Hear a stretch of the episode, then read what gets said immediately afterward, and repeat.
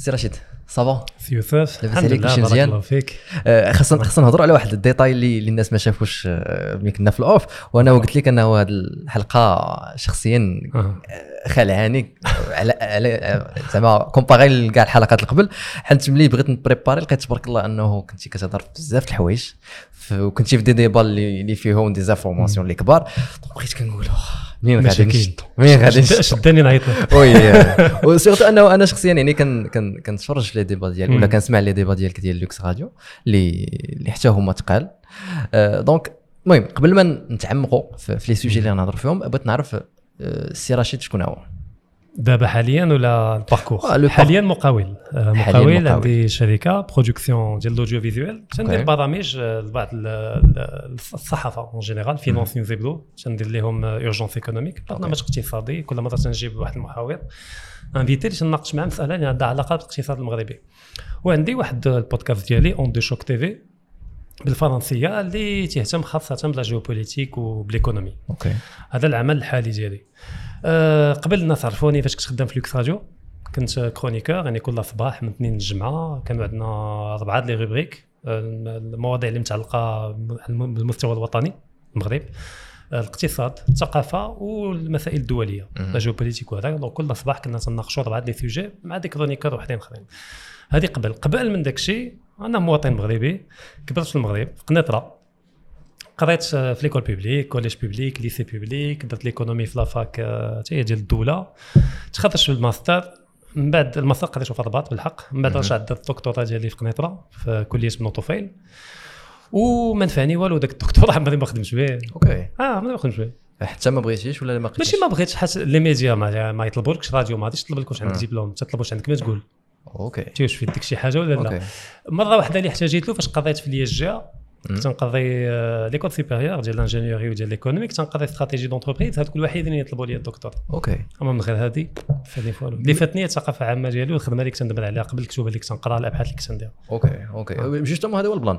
آه، أنت قريتي داك الشيء اقتصادي. آه. آه، قلت قلت هضرتي على الميديا كأنه شي حاجة اللي كانت اللي كانت معك يعني قلتي les médias ما غيبغيوش. علاش كنتي أنت أصلا visé les médias؟ لا ما كنتش بيدير les médias بالصدفه OK. كنت آه، في ديك الوقيتة تنخدم في واحد ال cabinet ديال ال consulting ديال الاستشارة وهذا استراتيجيه وعيطوا لذاك ال cabinet وقالوا لهم واش ممكن تصيفطوا لنا شي واحد هضر على على la géopolitique ديال تركيا.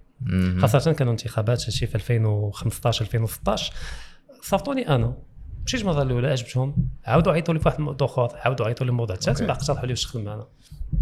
donc جات صدفة. OK وفي نفس الوقت بديت تنقري كنت غادرت ذاك ال- ال cabinet وبديت تنقري في ليجا في الرباط يعني ما كنتش أنا أنا كان عند بالي غادي تضحك كان عند بالي الراديو انقرضات شي حاجة اللي ما بقاتش ديك الوقيتة قلت زعما شي حاجة قديمة ما بقاش جبت الإنترنت حتى تنكتشف ان كاين الراديو كاين الجمهور ديالو كاين الناس يسمعوه في. الطوموبيلات وهذا يعني طاحت الصدفة مم. في العالم ديال. الميديا،. ديال الراديو. آه، آه، لا لا ما فهمت دابا ما بقيتيش في لوكس راديو لا ما بقيتش غادرت هذه سنه باش غادرت على. واحد- بعض المسائل اللي عندها علاقة بالنضال وبالافكار okay okay آه، كان لا جواز السفر. آه السفر أنا جو- جو- جواز اللقاح. مش عارف ان جواز اللقاح ما تيدخلوش دماغي. okay.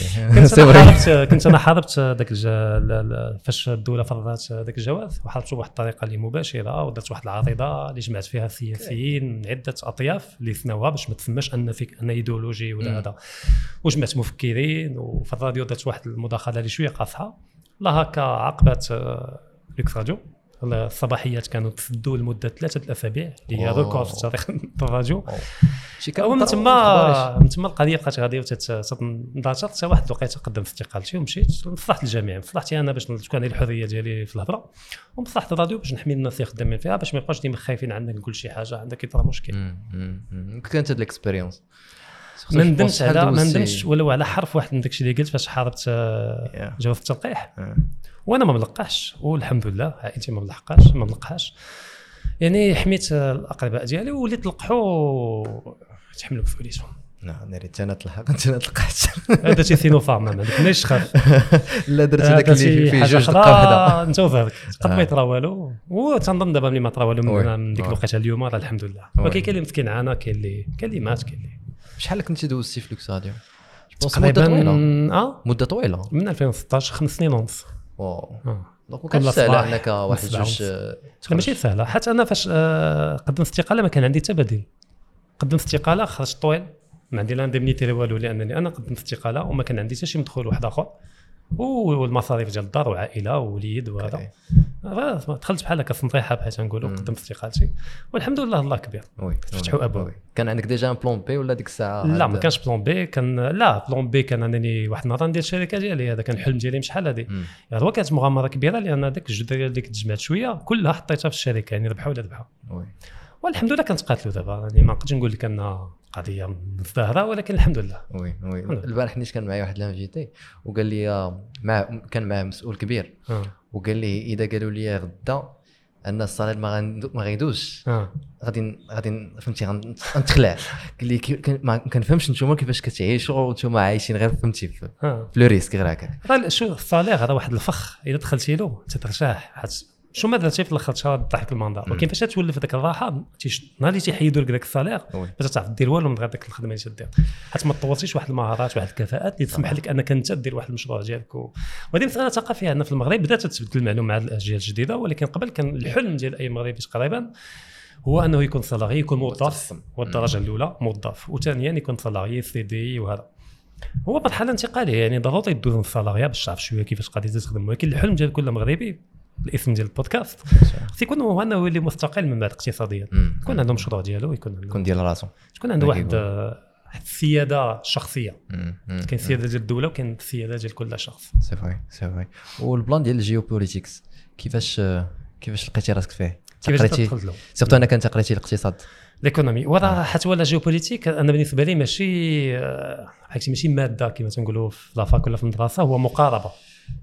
هو مقاربة وآلية. ومنهجية. c'est une méthode هذيك la méthode تستعمل بزاف ديال les disciplines تستعمل l'économie علم الاجتماع العلاقات الدولية القانون الدولي. هادو كاملين خص الواحد يتمكن ولو شوية من كل وحدة ولكن يكون عنده واحد ال métier ديالو. يكون إما économiste إما juriste وعاد يدخل دوك المجالات الأخرين. ويتعلم كيفاش يلعب بهم باش أنه بحال l'ophtalmo باش تمشي عند l'ophtalmo باش تدير النظر تيدير لك واحد واحد la lentille. وتيقول لك تشوف مزيان ياك تولى تيزيد لك واحدة ثانية. وبعد تيزيد واحدة ثالثة تولى تيحيدها وتيبدلها. تخيل كل واحدة من دوك les lentilles une discipline وحدة هي l'économie وحدة هي ال droit international وحدة هي العلاقة الدولية وهذا. كل حالة اللي غتطرق لها في la géopolitique مثلا الحرب ما بين أذربيجان وأرمينيا ما بين روسيا وأوكرانيا ماشي فيهم كاملين غتستعمل les mêmes lentilles بعد ما تستعملها ثلاثة بعد ما تستعمل غير جوج بعد ما غير أربعة. ولكن ممكن تدخل la géopolitique من عدة أبواب. أنا دخلت لها من الباب ديال l'économie. هو اللي دخلت له ونميت واحد الثقافة عامة خدمت ندمت قريت كتوبات تبعت محاضرات هذا et cetera في القانون الدولي في العلاقات الدولية في علم الاجتماع. واصلا أنا كنت ديما passionné بهذه المجالات هذو قبل ما كاع ما ندير الدكتوراه ديال l'économie okay. أصلا الدكتوراه ديال l'économie ديالي ضيعوني في عامين. كان خصني نديرها في ثلاث سنين درتها في خمس سنين. لأن فاش عطيتها l'encadrant قال لي هذه ماشي thèse économie قلت له ديال علاش؟ قال لي هذه ديال l'anthropologie حيت فعلا استعملت l'anthropologie باش نجيب واحد الإضاءة جديدة. في مجال الاقتصاد. والاقتصاديين معقدين شوية إلا ما كانش pure économie راه بالنسبة لهم ماشي économie. donc ديك الوقيتة حتى في l'économie ما كنتش مرتاح ما حملتش l'économie وداير دكتوراه في كنت okay. ديما تنقلب ندخل واحد المقاربات جديدة واحد القراءات جديدة من شوية من علم الاجتماع شوية من l'anthropologie مم. وهكا naturellement جيت vers la géopolitique بشوية بشوية بشوية بشوية. واكتسبت واحد الشرعية نسبية وي. دايوغ نيت ما حنا هضرنا على ال géopolitique عندي بزاف الأسئلة في هذا. ال domaine اللي عندهم علاقة بالمغرب وبما أنه مؤخرا يلا سمعنا أن إسرائيل اعترفت بالمغربية ديال الصحراء. أه، بغيت نهضر على واش كيبان لك أن المغرب فعلا أه، قوي دبلوماسيا طبعا من بعد قوي راه كاين واحد لا يعني كاين قوي وكاين قوي طبعا ماشي بحال الولايات المتحدة ماشي بحال الصين ماشي بحال روسيا ولكن بالنسبة للقوه intermédiaire une puissance intermédiaire يعني ما هي قطب يعني géopolitique ما هي قوى صغرى ولكن قوى intermédiaire المغرب آه قوة دبلوماسية بطريقه واضحة على المستوى الإقليمي وعلى المستوى القاري إفريقي. لعدة أسباب. اولا لأن باش تكون عندك دبلوماسية قوية خصك على الأقل جوج المسائل. الأولى تكون عندك واحد الثقافة دبلوماسية une tradition diplomatique بالمعنى عندك واحد العمق تاريخي. بالمعنى بمعنى آخر أنك تكون دولة منذ قرون. عندك تاريخ. آه عندك تاريخ. قرون وأنت تتعامل مع دول أخرى. هذا الحال للمغرب. يعني إلا قلنا غير ألف عام يعني في الشكل المعا... شبه معاصر اللي اللي اللي وصل- اللي وصلنا له اليوم. آه، الدولة العلوية الدولة السعديه يعني كاع الدول اللي كانوا قبل نما واحد الثقافه دبلوماسية وكانوا مضطرين أنهم يتعاملوا مع قوى عظمى ديال كل حقبة. مثلا في عهد السعديين كانت الدولة العثمانية اللي تقدر تقول هي القوى العظمى ديال ديك الوقيتة. وكان الإمبراطورية الإسبانية ديال هابسبورغ اللي ما كانتش غير اسبانيا اللي كانت حاكمة تقريبا أوروبا كلها إلا فرنسا والإنجليز. كانت حاكمة ألمانيا العالم الجرماني الحالي يعني ألمانيا النمسا هذا. الجنوب ديال إيطاليا إسبانيا هولندا. جزء هولندا كانوا اسبانيا شادينو والملك إسبانيا كان الملك ديال إسبانيا وديال نابل آه، جنوب الطليان وكان الملك آه، الإمبراطور ديال Saint-Empire romain germanique وعنده عدد مستوطنات وهذا في, في أمريكا وهذا. كيفاش المغرب قد أنه يواجه هذه القوى العظمى ديال ديك الوقيتة يحافظ على السيادة ديالو بالإمكانيات نسبيا قليلة اللي كانت عنده ديك الوقيتة بالمقارنة مع دوك الإمبراطوريات. هذا تيطلب واحد الدهاء دبلوماسي اللي تيتوارث من جيل لجيل من جيل لجيل اللي توصل للدبلوماسيه اللي عندنا دابا. هذه المسألة ما تتشراش. قد تكون قوة عندها الملايير في في المنتوج الداخلي الخام تكون عندها التكنولوجيات اللي بغات ولكن إلا ما عندهاش هذه الثقافه الدبلوماسية وهذا العمق التاريخي راه ما يمكنش تشريه إما عندك إما ما عندكش. كما كاين ثقافة عسكرية tradition militaire ما عرفتش الثقافة واش نترجموها هنا بالضبط. tradition نترجموها بثقافة ولكن بالمعنى أن قديمة وتتوارث. واحد الأصالة واحد الثقافة عسكرية هي ما تتشراش إما عندك إما ما عندكش. المغرب عنده لحسن الحظ عندنا الثقافة الدبلوماسية. وثانيا عندنا الكفاءات عندنا الناس اللي عندهم كفاءات كبيرة في المجال الدبلوماسي في المغرب اللي حتى هي الناس اللي قراو اللي وكاين اللي من ولاد الشعب يعني فاش نهضروا على ناصر بوريطه الوزير الحالي وزارة الخارجية والشؤون آه، وزارة الخارجية ولد الشعب. ولكن قرا دما طلع تكون داخل وزارة الخارجية يعني اكتسب حتى ثقافة داخل الوزارة ديال الخارجية وطلع ولا وزير يعني إنسان اللي متمكن من les dossiers ديالو تيخدمهم وكاين صاحب جلاله تيعطي les directions الكبار يعني الاتجاهات الكبرى. والوزارة تتجسد دوك الاتجاهات على المستوى الدولي. بالتالي طبعا وعاد عندنا واحد الأرضية اللي بدأت تنمو أرضية اقتصادية. اللي بشويه بشويه على مستوى ديال les infrastructures يعني المغرب ولا واحد كرهوا ولا ما كرهوش الاعداء ديالنا. ولينا واحد القطب جهوي على عدة مستويات على مستوى الاستثمارات اللي باغا تدخل إفريقيا جزء منها ضروري من المغرب. عندك على المستوى ديال les infrastructures عندك Tanger Med جميل ولا محور بحري ما بين البحر الأبيض المتوسط والمحيط الأطلسي. يعني كاين واحد المسائل المغرب تيستعملها واحد les avantages stratégiques المغرب تيستعملهم بواحد الطريقة ذكية باش أنه يقوي آه، من la situation ديالو في, المناقشات وفي في علاقات القوى اللي عنده مع الدول الأخرى. ساكن في أوروبا وبغيتي تصيفط الفلوس لعائلتك بلا ما تخلص والو وبلا ما يخلصوا هما والو ويوصلهم الفلوس في البلاصة. Taptap Send هي واحد l'application اللي كتخليك أنك تصيفط الفلوس إذا كنتي في الدول الأوروبية وتقدر تصيفطهم لأكثر من 30 وجهة بما فيهم المغرب. إذا مثلا بغيتي تصيفط 100 أورو لعائلتك فراه غادي توصلهم 100 أورو يعني أنت ما غاديش تخلص هما ما يخلصوا والو. وفي حالة وقع شي مشكل ولا ما فهمتي شي حاجة فيمكن لك تعيط لل centre d'appel اللي هما مغاربة donc غادي يهضروا معاك بالدارجة. هما ils sont en collaboration avec Wafacash Cash Plus. وحتى إذا كان عندك compte التجاري وفا بنك فيقدروا يوصلوك الفلوس. إذا كنتي أول مرة غادي تصيفط دخل له اللي لتحت استعمل ال code promo طبالي وغادي تربح ما بين 5 حتى 10 دولار حسب البلدان اللي صيفطتي منهم. السلام عليكم. واخا تكون فايتة ربما في الاقتصاد فايتة في هذا أوكي. بحال في البوكر عنده une main زوينة. ودابا حتى لهاد الدرجة ولا نهضر نيت على ليكزومبل ديال المغرب أنت محتاج دوله بحال إسرائيل ولا دولة بحال أمريكا أنها تعترف بمغربية الصحراء؟ يعني هذه القضية vraiment كتعاون المغرب. دابا باش نهضروا على الأمريكان وعلى إسرائيل العالم تنهضروا. تنهضروا على اللي حاكمين العالم. العالم الغربي. باش ما نعموش. الصين ما دخلش في هذا الشيء ولكن يعني تيسموا des prescripteurs ال prescripteur بحال مثلا مثلا في l'immobilier حتى دابا تنخدم شوية في l'immobilier في les médias عندك ال promoteur اللي تيبني. ولكن شكون اللي تيديروا ال plan باش يبني؟ المهندس ال architecte تيدير ال plan. donc المهندس c'est un prescripteur يعني هو اللي تيقول كيفاش غادي دير. هو اللي عنده الكلمة الأولى. أوكي إسرائيل عبر ال influence اللي عندها اللوبيات اللي عندها القنوات اللي عندها على المستوى الإعلامي على المستوى الاقتصادي على المستوى المالي إلا اكتسبتيها راه بحال اكتسبتي جزء كبير من الغرب بطريقه غير مباشرة. طبعا ماشي بطريقة مباشرة. أما الولايات المتحده راه هو القطب المهيمن حاليا. لحد الآن حنا باقيين في هيمنة أمريكية. هيمنة نسبية ما بقاتش مطلقة بحال في التسعينيات. بدأت تفقد شوية. شفنا الحرب الحالية اللي كاينة ما بين روسيا وأوكرانيا. هي سامبتوم بحال في شي مرات تيبانوا فيه دي سامبتوم سامبتوم ديال التراجع النسبي ديال الهيمنة الأمريكية اللي خلى أن روسيا قدرت أنها تدافع على المصالح ديالها بواحد الطريقة اللي هي مباشرة عبر حرب. وشفناها في التدخل ديال روسيا في سوريا. اللي ما كانش كان مستحيل يكون في التسعينات. donc آه، إلا اكتسبتي ميريكان يعني رغم التراجع ديال الهيمنه ديالها تتبقى هي القطب المهيمن الأول ماشي الوحيد ولكن الأول حاليا على المستوى العالمي على المستوى الاقتصادي التكنولوجي العسكري على كاع المستويات. فبالتالي ما يمكنش نقول لك ماشي مهمه ان تكون عندك الاعترافات. لأن المغرب منذ عشرات السنوات هو كيحاول يحل هذا المشكل باش أن يكون اعتراف تام ديال المغربية الصحراء واخا حنا ما محتاجينلوش فعليا راه الصحراء المغربية يعني واقعيا. ولكن الشرعية الدولية مهمة علاش؟ المستوى الاقتصادي اولا لأن مثلا آه، واحد مستثمر مثلا ألمانيا.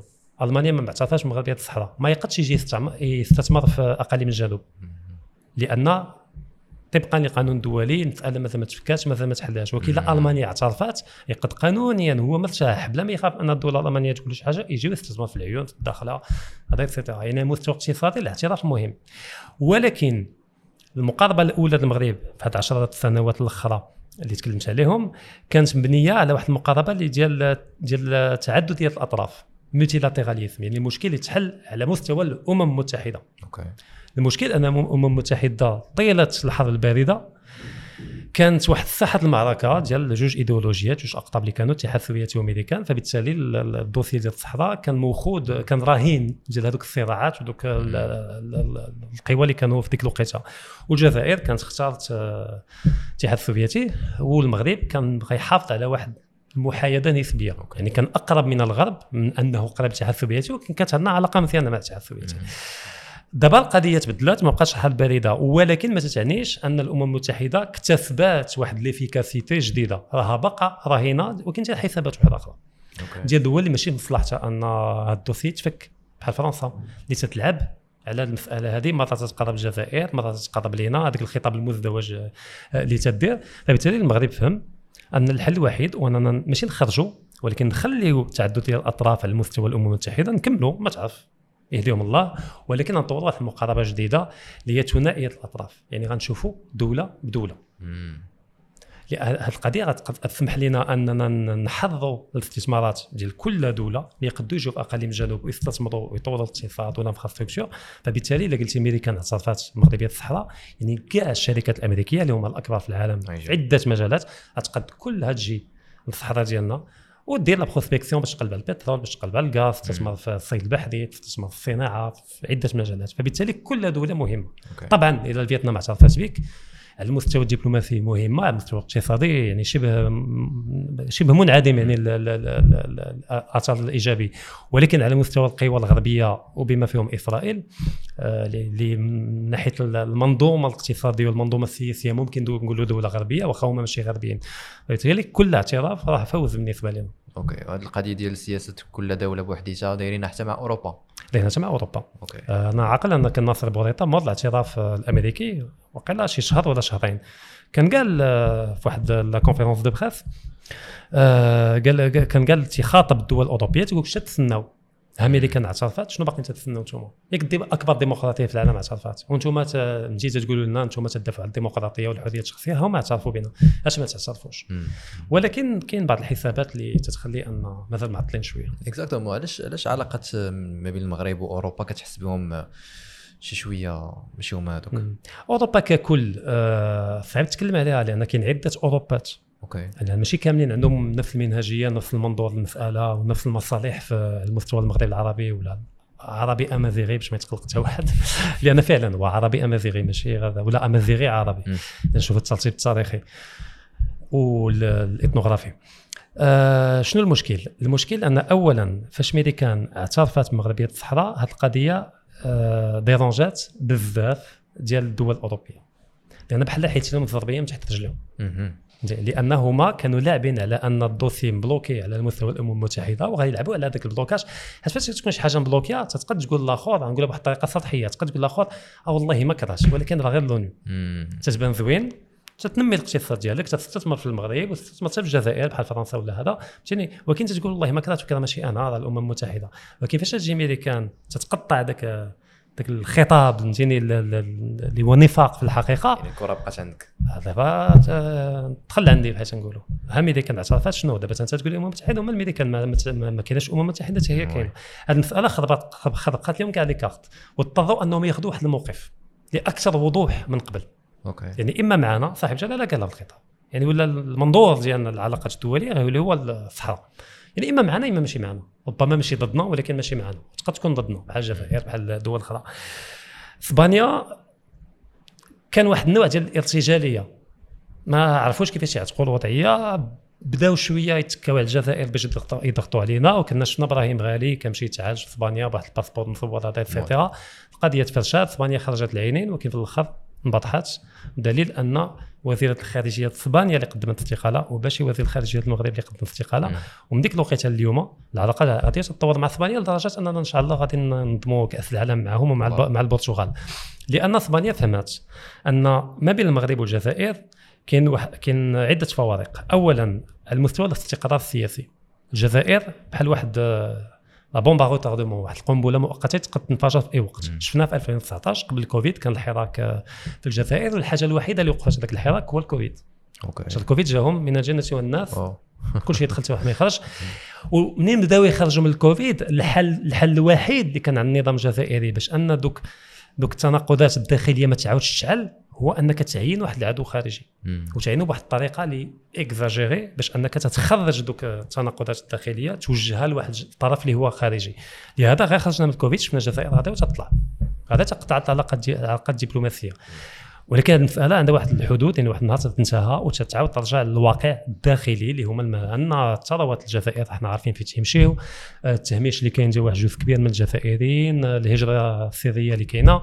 عدة مشاكل داخلية والنظام السياسي اللي كله مغلوق ومسدود ما كاينش تعدد للاحزاب بينما المغرب كرهنا ولا ما كرهناش يكونوا مشاكل داخلية راه شفنا هذا الريف هذا ولكن عندنا واحد الحكمة تخلينا نعرفوا ندبروا المسائل بلا ما نوصلوا لواحد المستوى بحال اللي وصلت الجزائر التسعينيات مع الحرب الأهلية اللي كانت ولا بحال الدول العربية اللي كاين اللي مشى لها النظام يامت آه، الربيع العربي. آه، هذه هذه المسألة الأولى.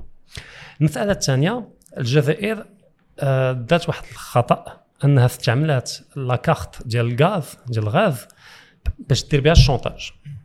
وهذه المسألة الدول الأوروبية ما تحملوهاش. لأن الدول الأوروبية دول اللي مبنية على المنطق على المستوى الاقتصادي تنقول آه تيبغيو تكون عندهم واحد la visibilité على 10 سنين على 20 عام. والبنيه التحتية الأولى قبل ما تكون البنية التحتية ديال الطرق وهذا البنية التحتية الأولى ديال كل اقتصاد هو الطاقة. ما عندكش الطاقة ما عندكش اقتصاد ما عندكش صناعة ما عندكش حتى حاجة. فبالتالي تيحتاجوا أنهم يبنيوا الاقتصاد ديالهم على des partenaires اللي يكونوا fiables فهمتي؟ اللي ما يبقاوش يلعبوا في أي لحظة بواحد la carte اللي بالنسبة لهم عندها واحد الأهمية قصوى. بالنسبة للاتحاد الأوروبي. خصوصا البترول. خصوصا البترول والغاز. آه، بالنسبة. للجزائر الغاز أكثر من أكثر من البترول. باقي البترول تيجيو من الشرق الأوسط من آه، من السعودية وهذا بالبطوات les tankers اللي تيجي اللي تيجيبوهم. وكان تيجيو من روسيا. دابا ملي روسيا ما بقاتش آه، هذه ما يقدوش يعولوا على الجزائر. فبالتالي اضطروا أنهم يتوجهوا للولايات- المتحدة باش أنهم يشريو ال GNL ال gaz naturel liquéfié اللي فاش يوصل اوروبا تي- تيجي على شكل سائل فاش يوصل اوروبا عاد تيرجعوه غاز من جديد وتيدخل في دوك الأنابيب les gazoducs وتي alimenter كاع الدول. تيتقام عليهم خمسة المرات غلا من الغاز ديال روسيا. ولكن لاسباب إيديولوجية انبطحوا أمام الولايات المتحدة وقطعوا الغصن اللي كانوا جالسين عليه بحال تيقولوا الفرنسيس. منين أنهم آه، وقفوا بطريقة عمياء مع الولايات المتحدة ضد- روسيا. باش نرجعوا للجزائر الجزائر ماشي واحد الحليف ولا واحد ال partenaire اللي هو fiable اللي ممكن تعول عليه. بينما المغرب عنده واحد البديل اللي هو ذاك ال gazoduc ما بين نيجيريا والمغرب. اللي الهدف ديالو ماشي غادي alimenter المغرب بالغاز ولكن alimenter حتى أوروبا بالغاز النيجيري. والغاز فاش يوصل بالانابيب تيوصل بواحد الثمن اللي هو أقل بكثير من فاش يجي على شكل سائل. وعاد تيت gazéifié من جديد. لهذا أسبانيا finalement قررت واحد القرار اللي هو حكيم واضطرت أنها تساند المغرب وتساند آه، ال- ال- ال initiative ديال صاحب جلاله ديال ال- ديال ال autonomie داخل الوحدة الوطنية ديال الأقاليم الجنوب. اللي هو ال dossier اللي دفعه المغرب في الأمم المتحدة. OK. قبل قبل ما ندوز للبلدان الأخرين الأوروبيين. البلان ديال الاسباني القضية ديال سبتة ومليليا ما كانتش ما كانتش داخلة في هاد النزاع؟ صعيب دخلها.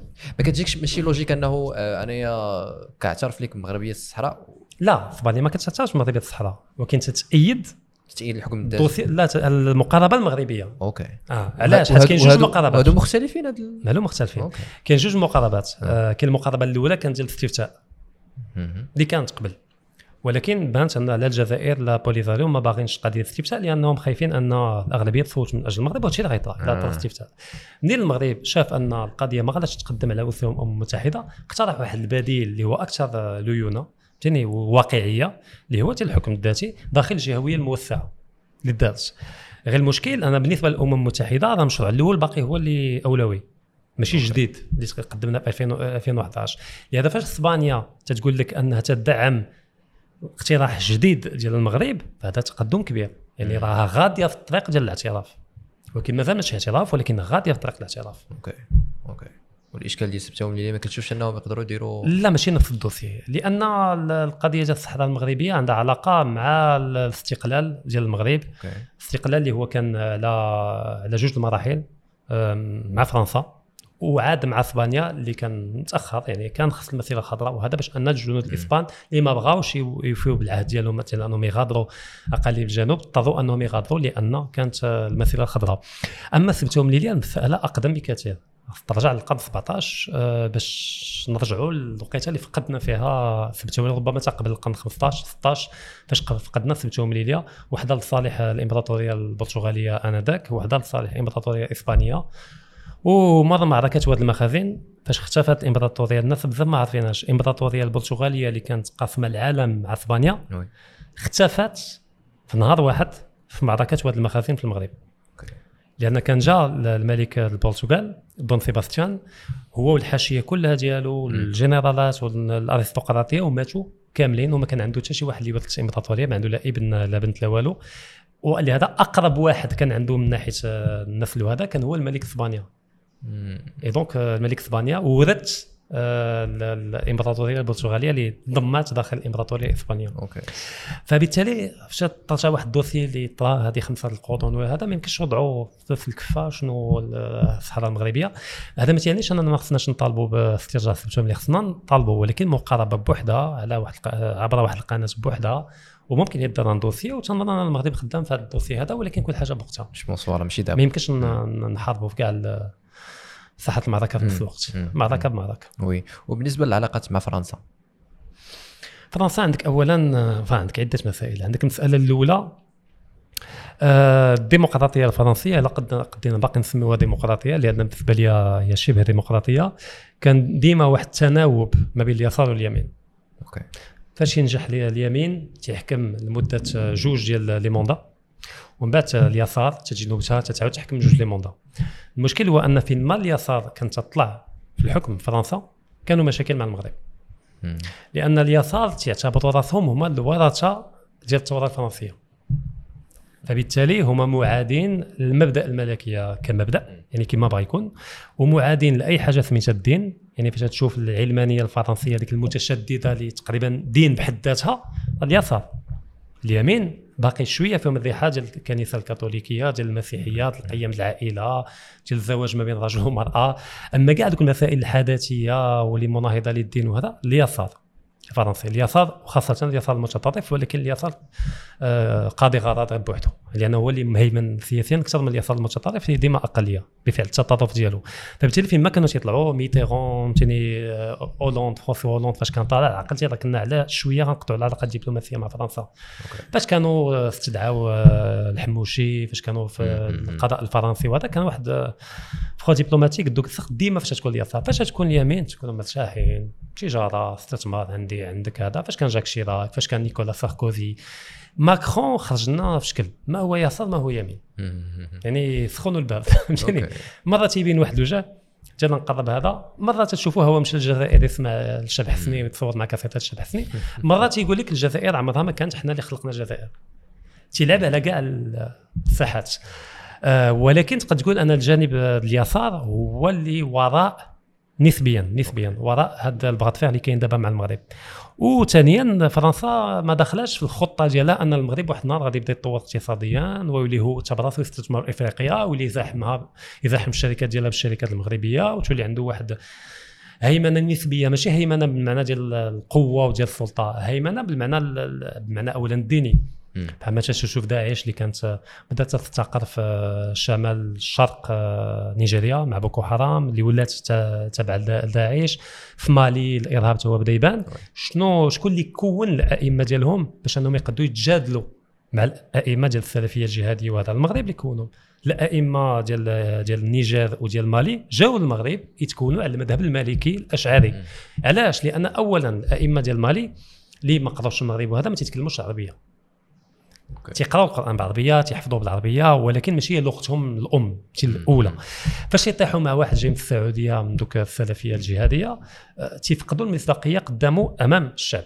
فاش يجي لشي قضية ولا هذا. donc الشعب تيقول لك وهذاك جاي من بلاد رسول الله عليه الصلاة والسلام. جيني وفعلا يكون عارف أكثر من هذا. وتيهضر بالعربية وبطريقه فصيحة وهذا c'est-à-dire donc هذه المساله هذه المغرب اللي فكها جابهم كونهم هنا. المسائل علم اللغة علوم اللغة ماشي غير علم اللغة آه، علوم الاستنباط في الفقه في الشريعة في العقيدة في هذا. على المذهب المالكي الأشعري هذا فاش رجعوا؟ رجعوا نينجا ديال الفقه. فهمتيني؟ يعني ما كاينش واحد اللي غادي يقد يتجادل معهم في هذه المسائل هذا. هذا النوع ماشي ديال الهيمنة ولكن ديال ال influence ديال التأثير ولا ديال التنوير الديني للمغرب تيمثل مركز في هذه المسألة هذه على مستوى دول الساحل. وعلى المستوى الاقتصادي الأبناك المغربية les télécoms حتى هما قدوا أنهم يستثمروا ويهيمنوا على بعض الأسواق في عدة دول في إفريقيا. هذه المسألة طبعا فرنسا ما يعجبهاش الحال. طبعا ما يعجبهاش الحال لأن تعتبر جزء كبير من إفريقيا. بحال اللي تيقولوا français un jardin ديالها يعني pré carré يعني واحد ال jardin ديالها اللي حتى واحد ما عنده الحق يدخل لها المغرب جا فرش الباب ودخل طبعا غادي يحاولوا يديروا عراقيل المغرب ويحاولوا يbloquer ويحاولوا يزعزعوا المغرب وهذا. والمغرب واعي بهذه المساله وتيتسنى المغرب. تياخذ تيدير التدابير ديالو تياخذ الاحتياطات ديالو. اولا يعني من التحولات الكبرى اللي عرف المغرب على المستوى الدبلوماسي اللي هي زعجات فرنسا. هو أن لعدة آه، سنوات المغرب كان التوجه ديالو اقتصاديا هو أوروبا حتى استراتيجيا. ثلثين ديال الصادرات وديال التبادل الخارجي وهذا كان مع الاتحاد الأوروبي ومع الدول ديال الاتحاد الأوروبي حتى قبل ما يكون الاتحاد الأوروبي كما تنعرفوا اليوم كانت باقا la communauté européenne ديال ال charbon هذا. ولكن آه، انطلاقا من 2016 2015 2016 الملك خدا واحد العدد القرارات اللي الهدف ديالهم هو تعديد آه، اتفاقيات استراتيجية على المستوى العالمي. اولا عندك آه، 2015 زيارة في الهند ديال صاحب جلالة. ثانيا 2016 زيارة في روسيا وزيارة في الصين. وهذه الزيارة اللي دات في روسيا ما داتش في أي وقت. 2016 يعني عامين من مور ما روسيا ضمات آه، شبه جزيره القرم ليها. وكان العالم الغربي كله بدأ تيعاقب روسيا يعني في العالم اللي العالم اللي العالم الغربي كله تيضرب في روسيا هذيك مشى. مالك مشى عنده. فما هذاك نتوما مشكلتكم. أنا ماشي خاضع عليكم أنا عندي السياده ديالي عندي مصالح ديال الدولة ديالي وغادي نمشي نتلاقاو. اللي عندكم مشكل معاه أنا ما غاديش نخضع لدوك العقوبات اللي نتوما مطبقين على روسيا وهذا السينيال كان قوي بزاف.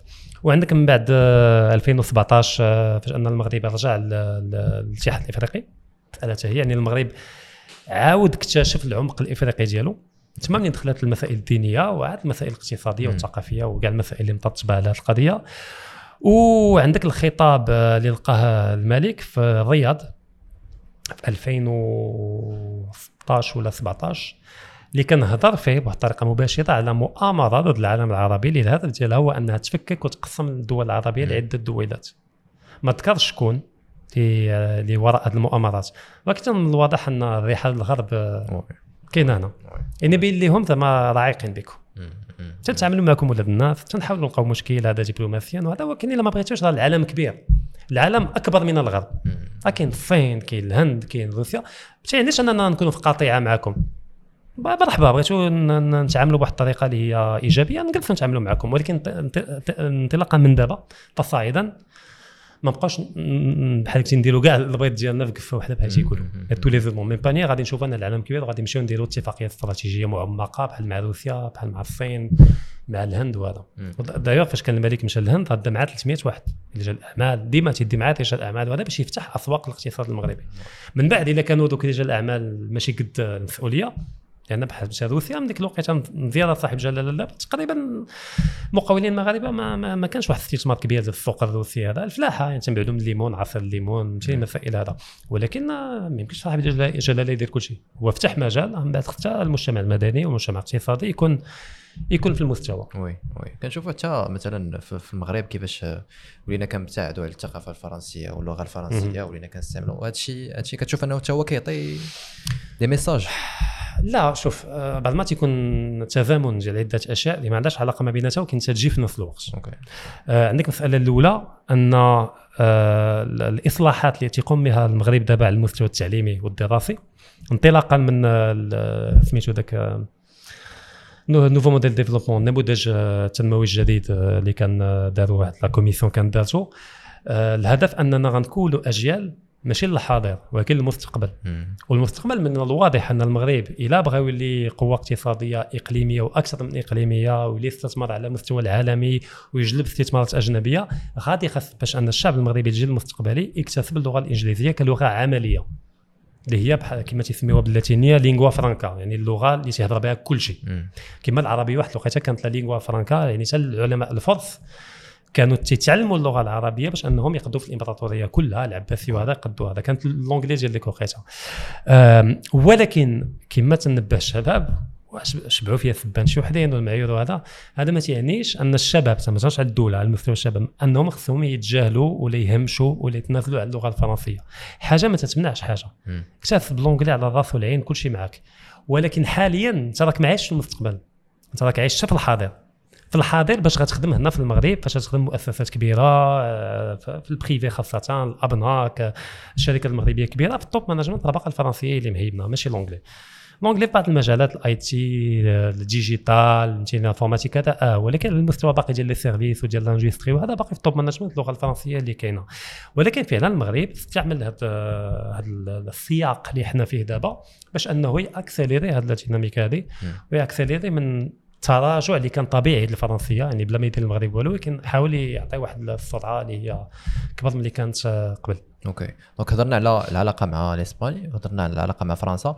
البلدان الأوروبية الأخرين كي كي دايره العلاقة معهم البلدان الاوروبيه عندك اولا آه، اللي intéressant نتكلموا عليه عندك آه، المملكة المتحدة. الإنجليز كما تنقولوا باش نبسطوا واخا راه ماشي نفس الشيء. المملكة المتحدة أكبر من الإنجليز. آه لأنهم فاش غادروا الاتحاد الأوروبي اضطروا أنهم يعاودوا يكتشفوا العالم. OK. آه، خاصة الكومنولث الكومنولث يعني كاع ال- ال- ال- ال- المستوطنات الكبرى اللي كانت داخل الإمبراطورية البريطانية منها الهند منها إفريقيا الجنوبية منها نيجيريا منها كندا. آه، الناس ربما شحال من واحد ما عرفاش ولكن في النقود الك- الكندية الملكة الانجليز مطبوعة. لأن رسميا الملكة الانجليز راها كذلك ملكة كندا. OK. دستوريا في الدستور ديال كندا والملكة ديال أستراليا. وهادشي كيتعامل به يعني قانونيا. داكشي شرفي رمزي. OK. يعني ما عندهاش سلطة مباشرة في كندا وهذا ولكن رسميا راه هي الملكة ديال الانجليز وديال أستراليا وديال نيوزيلندا حد الآن.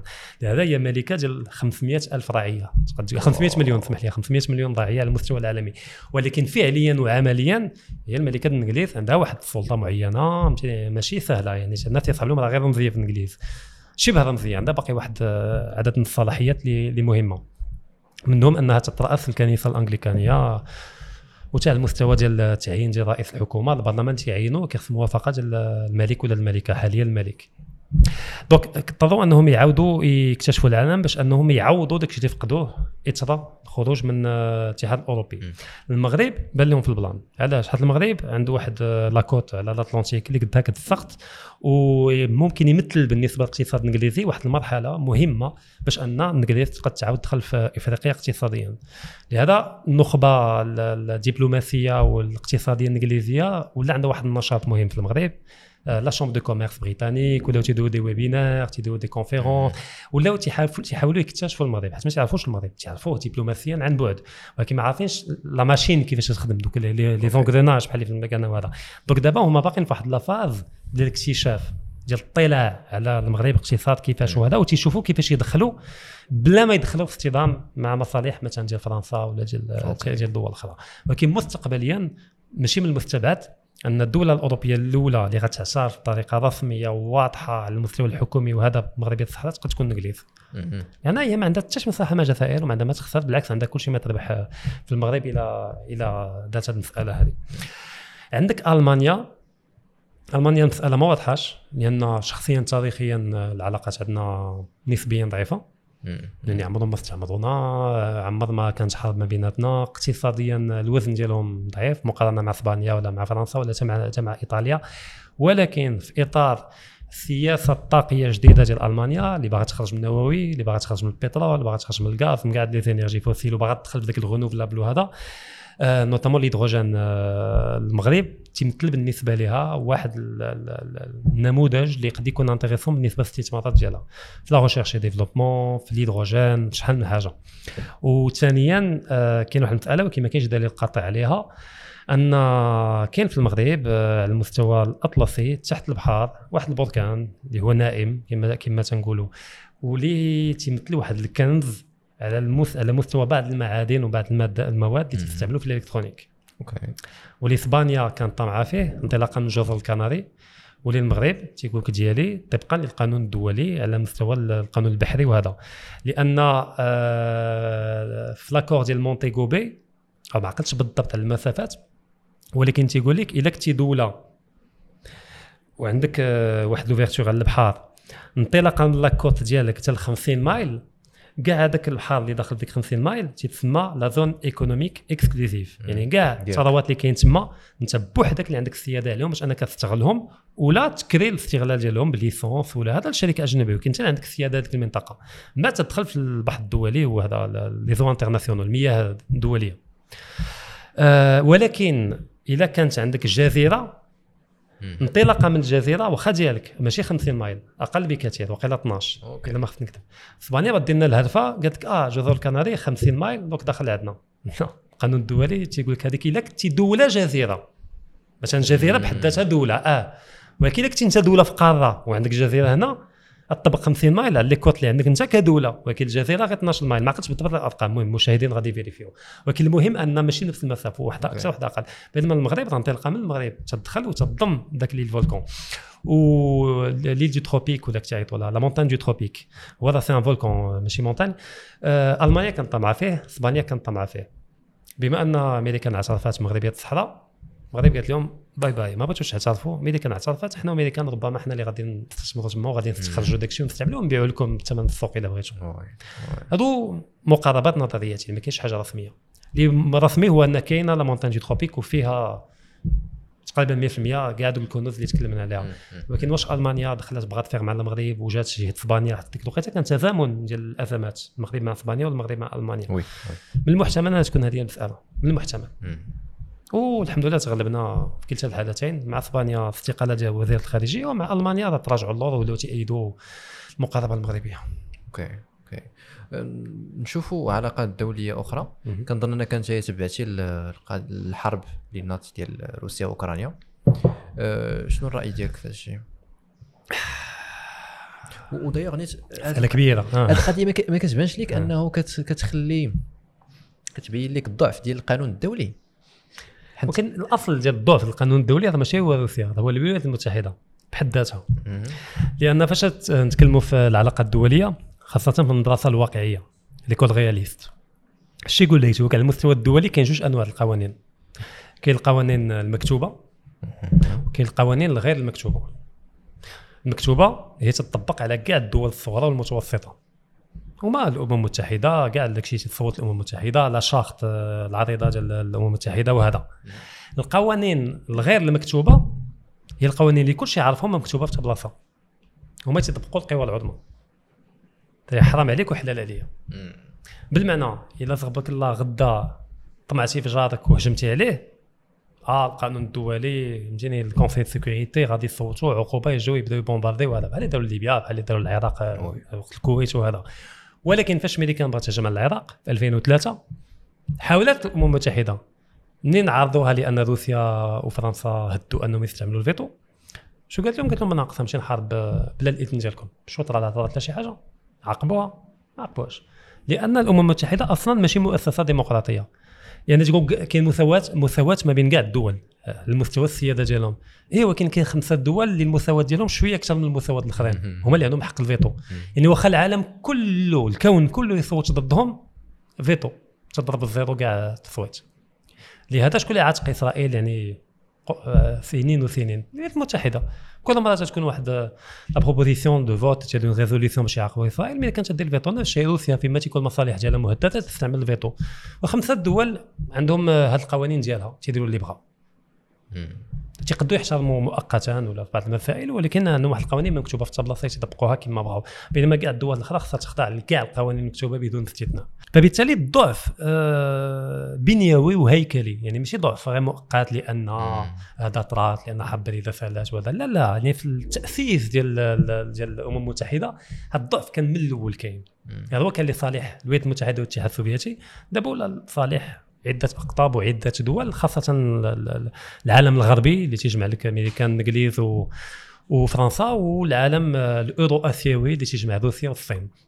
فبالتالي الدول الأخرى ما عندها حتى شي فعالية على مستوى الأمم المتحدة. لهذا المغرب فهم القضية كما قلت قبيلات ومشى ثنائيه آه، العلاقات ماشي على متعدده الأطراف ولكن ثنائيه الأطراف اللي هي اللي ممكن تقدم الدوسي وتحل المشكل على المدى على المدى البعيد. هذا المساله الأولى.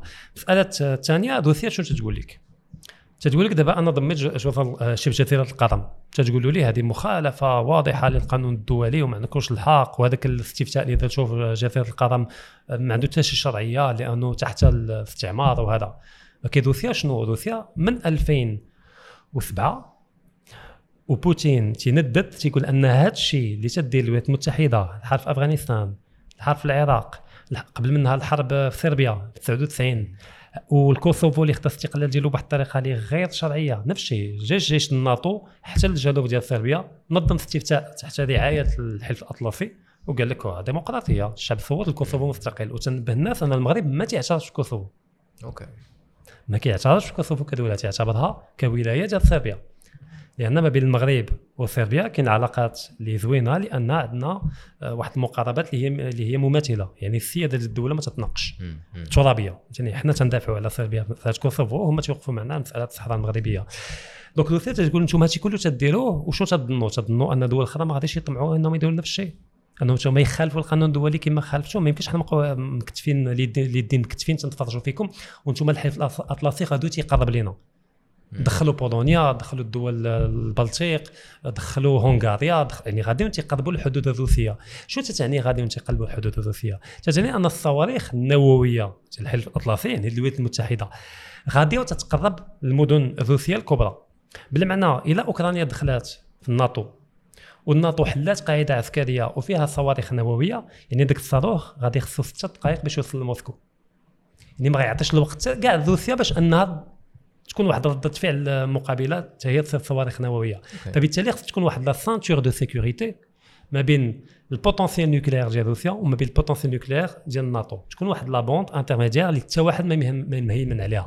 لأن روسيا ما كانتش باغا تضم أوكرانيا ولا تستعمرها. كانت بغاتها تكون محايدة. ما هي تبع الناتو ما هي تبع روسيا. باش تكالي ما بين الناتو هذا. بينما الولايات المتحدة عندهم واحد المشروع اللي هو واضح اللي هو تفكيك روسيا الفيدرالية. هذه مسألة بين من ايامات حرب الشيشان اللي السي كانت تتفينونسي وتتشجع وتتمول وتتسلح.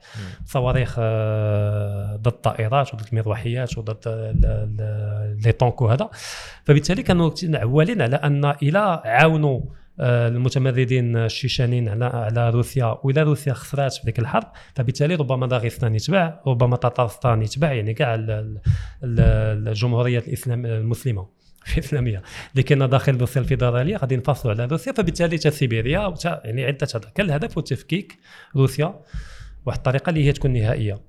طلع بوتين خرج من الجنب لأن بوتين رجل ديال المخابرات الروسية. طلعوا على أساس يعتق المساله وفعلا اعتقها يعني الحرب للاسف طريقة دموية لأن لا جيوبوليتيكية هذه ما فيهاش مساله ديال المشاعر وديال القيم والمبادئ. الحرب الشيشانية الثانية حسمات مساله الشيشان لدرجة أن اليوم الشيشانيين تيحاربوا مع روسيا. تيغوتوا الله أكبر وما تيهاجموا على الأوكرانيين.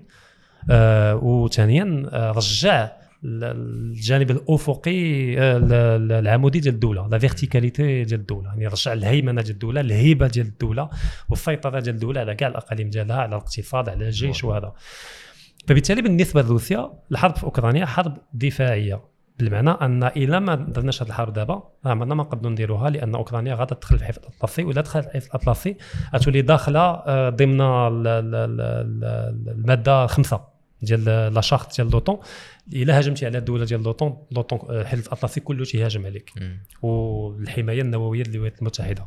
فبالتالي كان هذه هي الفرصة الوحيدة اللي كانت عند روسيا باش إنها تمنع أوكرانيا تدخل في الحلف الاطلسي لأن دولة في حالة حرب ما يمكنش تدخل في الحلف الاطلسي هذه في, في القوانين ديالهم ما يمكنش تدخل. ولا كانت دولة ما متحكماش في كاع التراب ديالها ما يمكنش تدخل. يعني حد روسيا دار لهم مسمار شحال تما يعني تكون شادة كيلومتر واحد. ما تقدرش أوكرانيا تدخل في الحلف الاطلسي دونك هذا هو الهدف. الهدف عمره ما كان ما كان استعمار أوكرانيا. كان إنهم يحصلوا على على تفكيك النظام الأوكراني الحالي ويدار واحد النظام اللي هو يكون شوية محايد ولا شوية قريب لروسيا ما صدقاتش ما طاحش النظام. اضطروا أنهم يدخلوا في واحد الحرب اللي ما كانوش عوالين عليها اللي يحاولوا بطا- اللي دوم سنين. ربما تفك من دابا شهر ولا شهرين كما تقد تبقى عامين ولا ثلاث سنين. يعني ردة فعل عادية. ماشي عادية هي حتى شي حرب ما عادية. يعني ولكن من المنظور حرب دفاعية راه تدافع على الأمن الداخلي ديالها وعلى الأمن الخارجي ديالها. معنى أن أوكرانيا الا دخلت في الناتو هذا تيهدد مباشرة استقرار الدولة الروسية والأمن ديالها الخارجي. لأن صاروخ أمريكي نووي يكون ستة دقائق من موسكو مسألة دوله ما تقبلها. واش حنا نبغيو؟ أن غدا روسيا ولا الصين تجي تحل قاعدة عسكرية في الحدود ما بين الجزائر والمغرب ويكونوا تما صواريخ نووية اللي يوصلوا الرباط في ثلاثة دقائق. ما تخليكش الوقت حتى فين دير ردة فعل ولا شي حاجة. oui oui. طبعا ما تقبلش دابا روسيا النهار اللي كانت باغا تحل تعطي صواريخ ماشي تعطي أنها توضع بعض من الصواريخ النووية ديالها في كوبا. عقلتوا ايامات الحرب البارده oui oui آه. oui. شو كانت ردة الفعل الأمريكان؟ كانت مستعدة أنها تنوض حرب نووية. ديك الوقت la crise ديال ال missiles de Cuba اللي كانت هذا. نفس الشيء. أوكرانيا هي كوبا ديال روسيا نفس المشكل كاين حتى في آسيا. آه. oui. على اليابان وكوريا الجنوبية وهذا مع الصين. لهذا الا روسيا غدا وضعت صواريخ نووية في المكسيك. طبعا أمريكا غتهجم المكسيك. ما يمكنش تقبل المسألة. قوه عظمى ما يمكن تقبل هذه المسألة هذه. والمغرب كان عنده عاوتاني نفس الدهاء. بيناتكم ماشي ماشي آه. شغلي. c'est vrai ما تدخلش كاع. إيه مبدئيا حنا آه، ضد الهجوم الحرب الروسي. ضد هي هذيك حنا ضد الحرب ومع السيادة. ولكن بلا ما نذكروا الأسماء أن راه أوكرانيا وروسيا وبوتين وزيلينسكي. يعني في نفس الوقت نقولوا الغرب وارتاحوا. آه، قلنا حنا ضد. في نفس الوقت نتعاملوا مع روسيا ونقدروا نشريو من عندها المازوت الݣازوال ونتعاملوا علاش حنا مالنا. حرب بيناتكم أنتم الغربيين بيناتكم. حنا علاش ندخلوا في المسألة هذه؟ وكاع العالم العربي العالم العربي كله بقى محايد الامارات قطر السعودية كلهم. السعودية ولات تقريبا حليف مم. في البترول في l'OPEP تيهبطوا كميه الإنتاج ديالهم النفط باش يطلعوا الثمن ولا يطلعوها باش يهبطوا باقي حد الان تي coordonner يو مع بعضياتهم وفاش ميريكان ضغطات على بن محمد بن سلمان باش أنه يكثر من من إنتاج النفط قال لهم لا. مم. اللي أول مرة السعودية تتقول بطريقة واضحة لا الامريكان لأن ماشي في مصلحتي وماشي في مصلحه روسيا. العلاقات مع إيران. شكون كان تيتوقع أن السعودية الوساطة ديال الصين ماشي الغرب غادي ترجع العلاقه الدبلوماسيه ديالها مع إيران اللي كان هو العدو اللدود ديال هذا. ودابا إيران شنو نشوفوا تدق على المغرب أجي نتصالحوا آه مع المغرب. باغا. يعني العالم بدا تيتبدل دابا. ما بقيناش آه، في عالم أحادي القطب ولينا في التعدد ديال الأقطاب مازال ماشي تعددية يعني موضوعية ولكن بداية ديال هذه الديناميك هذه والمغرب تيتموقع في هذه التغيرات بطريقة ذكية. يتعامل مع هذا ويتعامل مع هذا ويتعامل مع هذا. ولكن جغرافيا ما عندك ما دير لها دوله ما يمكنش déménager تجمع قشاوشه وتمشي جينا قرب أوروبا. ما عندنا ما نديرو حنا أصلا المغرب الأقصى. راه المغرب راه جاية من la position géographique ديالنا. تنضطروا أننا نتعاملوا مع الاتحاد الأوروبي ومع الغرب. ولكن هذا ماشي منعناش اننا نتعاملوا مع مع العالم العربي مع دول الخليج مع الصين مع الهند مع إفريقيا مع كل شيء هذا هو احسن وادهى تمركز الممكن يدير المغرب. آه، الجزائر دارت العكس. اولا تتفرق المنطقة. العلاقة ديال مع المغرب. وثانيا بلاص ما تلعب على كاع الأقطاب بغات تختار قطب واحد. وفي واحد الإطار اللي اللي داخل في معاداة فرنسا والغرب وهذا et cetera ولكن المشكل أن القطب اللي بغات تكي عليه الجزائر باش أنها تخرج عينيها أمام فرنسا والغرب ما عطاهاش قيمة. راه شفنا فاش كان مشى رئيس الجزائر لموسكو مشى دوز entretien عرفتي اش تمشي دوز entretien وما موجود والو ما حافظ والو ما موجود والو تبقى تفتف وتمتم وت improviser وتجبد جمله من هنا وتبني هذا. على أساس يدخل في البريكس. ديك المنظمة ديك ال club اللي فيه البرازيل روسيا إفريقيا الجنوبية الصين والهند اللي تمثل اللي تقريبا تمثل البديل المستقبلي للحلف الأطلسي والعالم الغربي ومؤخرا ما تخادوش. ما تخ... la candidature ديالهم ما ترفضاتش رسميا ولكن تحيدات. يعني ما هذه ما هذه يعني دخلوا في واحد الانغلاق دبلوماسي غير بوحدهم. غير بوحدهم. بينما كان ممكن نخدموا جميع ونزيدوا لقدام. ونبنيو المغرب العربي ونحلوا الحدود ونديروا التبادل الحر ما بيناتنا ونديروا السكه ديال ال train تمشي من طنجه حتى لوهران والناس السفر الاقتصادي ازدهر ويبقاو في الحكم هما. ماشي مشكل يديروا اللي بغاو. أنا كنشوف بحال للاسف هادشي للأسف. ما نظنش أنه الجزائر داخلة فيه بوحديته كاينين شي قوى اللي ما باغينش أنه طبعا فرنسا هي الأولى. فرنسا. وإسبانيا أنا باقي إسبانيا ما تنثقش فيهم يعني في أي وقت يقدروا يتقلبوا. ولكن لحد الآن يعني المهم حسن النية تيقول لك حسن الظن يعني من. جهتنا حنا آه، يدفع بالتي أحسن. كما قال الله عز وجل آه، بينما وي فرنسا طبعا يعني من العراقيل الكبرى لهذه المسألة هذه. ولكن ما تمتعيش أن الجزائر يعني الناس يتصحاب لهم أنها مسكينة راه ما كرهاتش ولكن فرنسا ما مخليهاش. جات على راس العين. لأن أصلا الجزائر ما باغاش ان النظام العسكري ديالها مبني على عداوة خارجية. لأن اذا ما كانش ذاك العدو الخارجي من الداخل تتشعل العافية وتيبداو عرفوا حرب أهلية وجاهم حراه وكان ممكن يعاودوا لي حرب أهلية آه et cetera فبالتالي حتى اذا ما كانش عدو موضوعي خصهم يخترعوه. كما الولايات المتحدة ديما محتاجة العدو. ايامه الحرب البارده كان العدو الاتحاد السوفيتي اللي سمح لها أنها تطبق الهيمنة ديالها على أوروبا. مم. أنا عندي هيمنة عليكم ولكن بصلحتكم باش نحمي- نحميكم من الشيوعيين السوفيتي. فاش طاح الاتحاد السوفيتي ما بقى حتى عدو. ملي كان بوحدة اللي كاينة في العالم كانوا تيقولوا عليها ال gendarme du monde يعني ولا هما ال gendarme du monde يدخلوا يفكوا المشاكل وهذا. ولكن واحد الوقيته ولات الهيمنة ديالهم ما بقاش عندها شرعية. ما بقاش عدو فوكوياما كتب واحد الكتاب نهاية التاريخ. سالينا صافي التاريخ سالا الايديولوجيات ما بقاش. التبادل الحر يتغلب على العالم الليبرالية تغلب ولكن هما ما بغاوش هذا العالم. هما بغاو العالم اللي ديما فيه تناقضات باش ديما تبقى الهيمنة ديالهم عندها شرعية. شنو اخترعوا لنا اخترعوا لنا المكافحة الإرهاب والإرهاب العالمي. يعني واحد جوج أفغانيين تيغنيو تي- تيجريو بصنداله وبكلاشنيكوف يهدوا الاستقرار والمنظومة الرأسمالية ديال الولايات المتحده انطلاقا من 11 سبتمبر آه، 2001 ولكن هذا سمحت الامريكان تعاود تدخل في أفغانستان وتدخل في العراق وتدخل في تركمانستان دير قاعدة باش زعما تهاجم على أفغانستان. والعالم العربي والربيع العربي كان داخل في إطار إعادة تعاود الضمصه ديال العالم العربي باش يولي مطابق للمصالح ديالها بواحد الطريقة اللي واضحة باش يطلعوا الإخوان المسلمين من كاع الدول لأن هما تيحماقوا على الإخوان المسلمين. هذه يقول أمريكان ضد الإخوان المسلمين المؤامرة الغربية لا لا لا, لا. الأمريكان تيحماقوا على الإخوان المسلمين. لأن من المنظور ديالهم للعالم اللي هو منظور بين قوسين ديني لأن الدين أكبر بكثير من أي حركة سي- سياسية. راه نفس الشيء شكون اللي حاكم الولايات المتحدة؟ راه الإخوان مش المسلمين ولكن الإخوان ال- ال évangélistes اللي تيعيطوا لهم ما عرفتش بالعربيه كيفاش يقولوا. évangélistes. هي واحد الحركة مسيحية بروتستانتية اللي اللي تتنشر المسيحية البروتستانتية على المستوى العالمي okay. في البرازيل في إفريقيا et cetera عندهم واحد آه، الحضور آه، على المستوى ديال ال influence والاقتصادي هام داخل الجمهوريين. أقل بكثير داخل الديمقراطيين. آه، فهمتي عندهم نفس المقاربة للعالم. المقاربة اللي هي بين قوسين دينية آه، مبنية على التبادل الحر آه، فبالتالي الربيع العربي كل الهدف ديالو هو يضعفوا السيادة ديال الدول باش أنهم يدخلوا كاع دوك الدول داخل الأمة. حتى أنا ديما تنقول فاش واحد من الاخوان المسلمين والسلفيه جه- جهادية تيقول أمة شو تيسمع؟ الأمريكاني تيسمع سوق كبير للتبادل الحر. وغنعاونكم غتحطموا السياده ديال الدول. ونشجعوكم فاش تقولوا ان أن الراية ديال الدول وثنية وأن النشيد الوطني وثنية وأن الولاء للدوله اللي هي كافرة وزنديقه هذا- علاش؟ غير باش طيحوهم ملي طيحوهم حنا غنجيو ناخذوا. ناخذوا كل شيء وغنسميوه marché commun سوق مشترك للعالم العربي وأنتم سميو أمه إلا بغيتوا ما حد les marchandises ديالنا تيتباعوا عندكم و les McDo تيحلوا ولا هذا. ديروا اللي بغيتوا صليوا ما تصليوش صوموا ما تصوموش حنا المهم ما يكونوش العراقيل ديال الدول اللي. عندها السيادة واللي تقد توضع الديوانات توضع فهمتيني داكشي الجمارك وهذا على المنتوجات. داكشي خصو يطير ما تبقاش شي حاجة سميتها الدول العربيه ذات السيادة.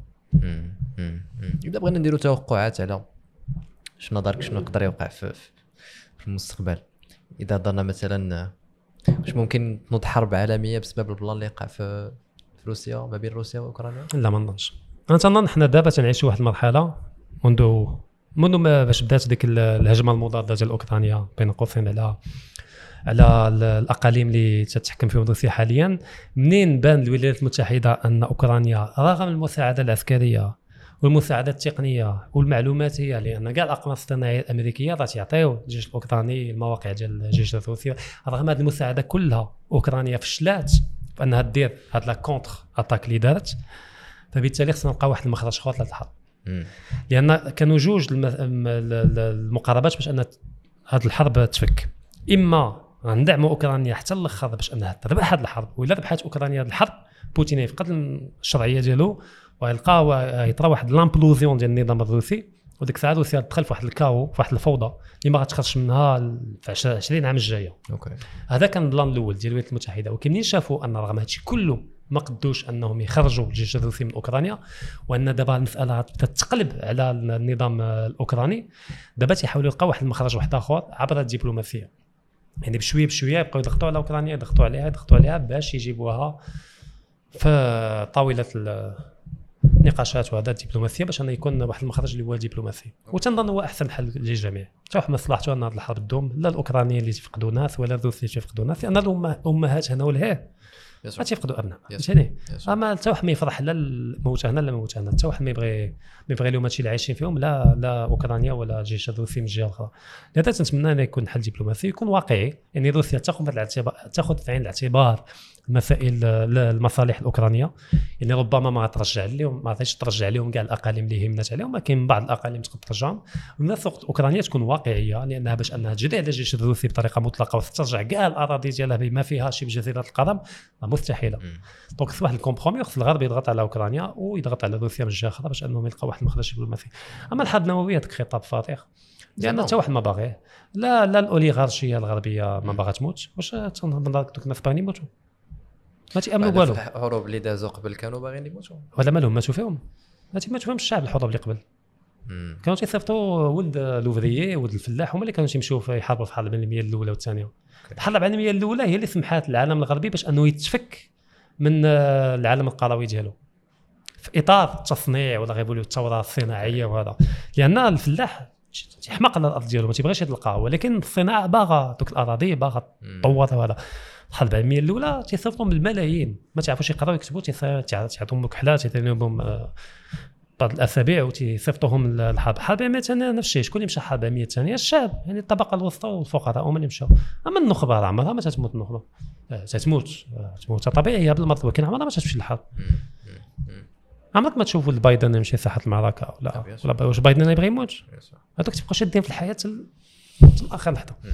وتا الجانب الروسي. هي ربما هما قراب لبعض القيم الدينية أكثر بكثير من الغرب. يعني باقى الكنيسة الأرثوذكسية. في الدستور الروسي دخلوا بطريقة رسمية أن الزواج ما بين رجل وامرأة. اضطروا انهم يكتبوه باش يسدوا ذاك الباب. يعني الدستور ما ما ندير لك ما تقوليش قانون ديال المثليه ما كاينش الدستور تيقول ما كاينش المثليه وتجريم التشهير آه، بالمثلية آه، بالمعنى انك دير la propagande homosexuelle و LGBT كنتي homosexuel في دارك سد عليك دير اللي بغيتي. ولكن تخرج برا تبقى دير لي لافتات تقول لي حنا homosexuels ويشوفوك الأطفال وهذا الحبس.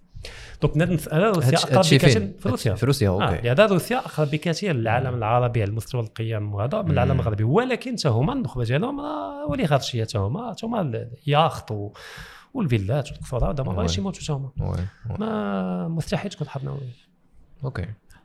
الحروب الوحيدة ممكن تكون هي اللي ما تيموتوش فيها الأغنياء. شحال هذه كانت مسألة أخرى؟ فيلفريدو باريتو عالم كبير في علوم الاجتماع وفي الاقتصاد. ذات أصل إيطالي كان تيقول على شحال هذه؟ تقول كان التاريخ مقبرة النبلاء والأرستقراطيين.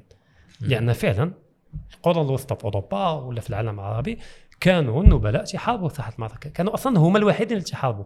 آه، في القرون الوسطى في أوروبا ما عندش الحق شي أرستقراطي يفرض على الفلاحة يمشوا يحاربوا. الحرب كان تخصص ديال النبلاء لي شوفاليي يكون عنده حصان عنده نارمور عنده هذا وعنده الشرف خصو يدافع عليه وما خصوش يهرب من ساحه المعركة. بينما الفلاح خصو يخدم الأرض. وشنو كان le deal بحال تيقولوا بال anglais هو أن الفلاح تيوكل ارستقراطي والارستقراطي يحميه. وتمشي المعركه هذا. والكلمة وهذا لدرجة أن في حرب ما بين الانجليز وفرنسا في نهاية القرون الوسطى كان واحد آه، الارستقراطي فرنساوي تشد رهين عند الانجليز وديك أنا داك شنو كان؟ ما كانوش يقتلوا النبلاء فاش يشدوهم لأن تيطلبوا باش أن الفديه تعطى. والعائلة ديالو بحال ما وصلتهاش أنه تشد. شنو قال لهم؟ قال لهم شوفوا طلقوني. غنمشي عند العائلة ديالي غنجيب الفلوس وغنرجع نعطيها لكم. وهذا.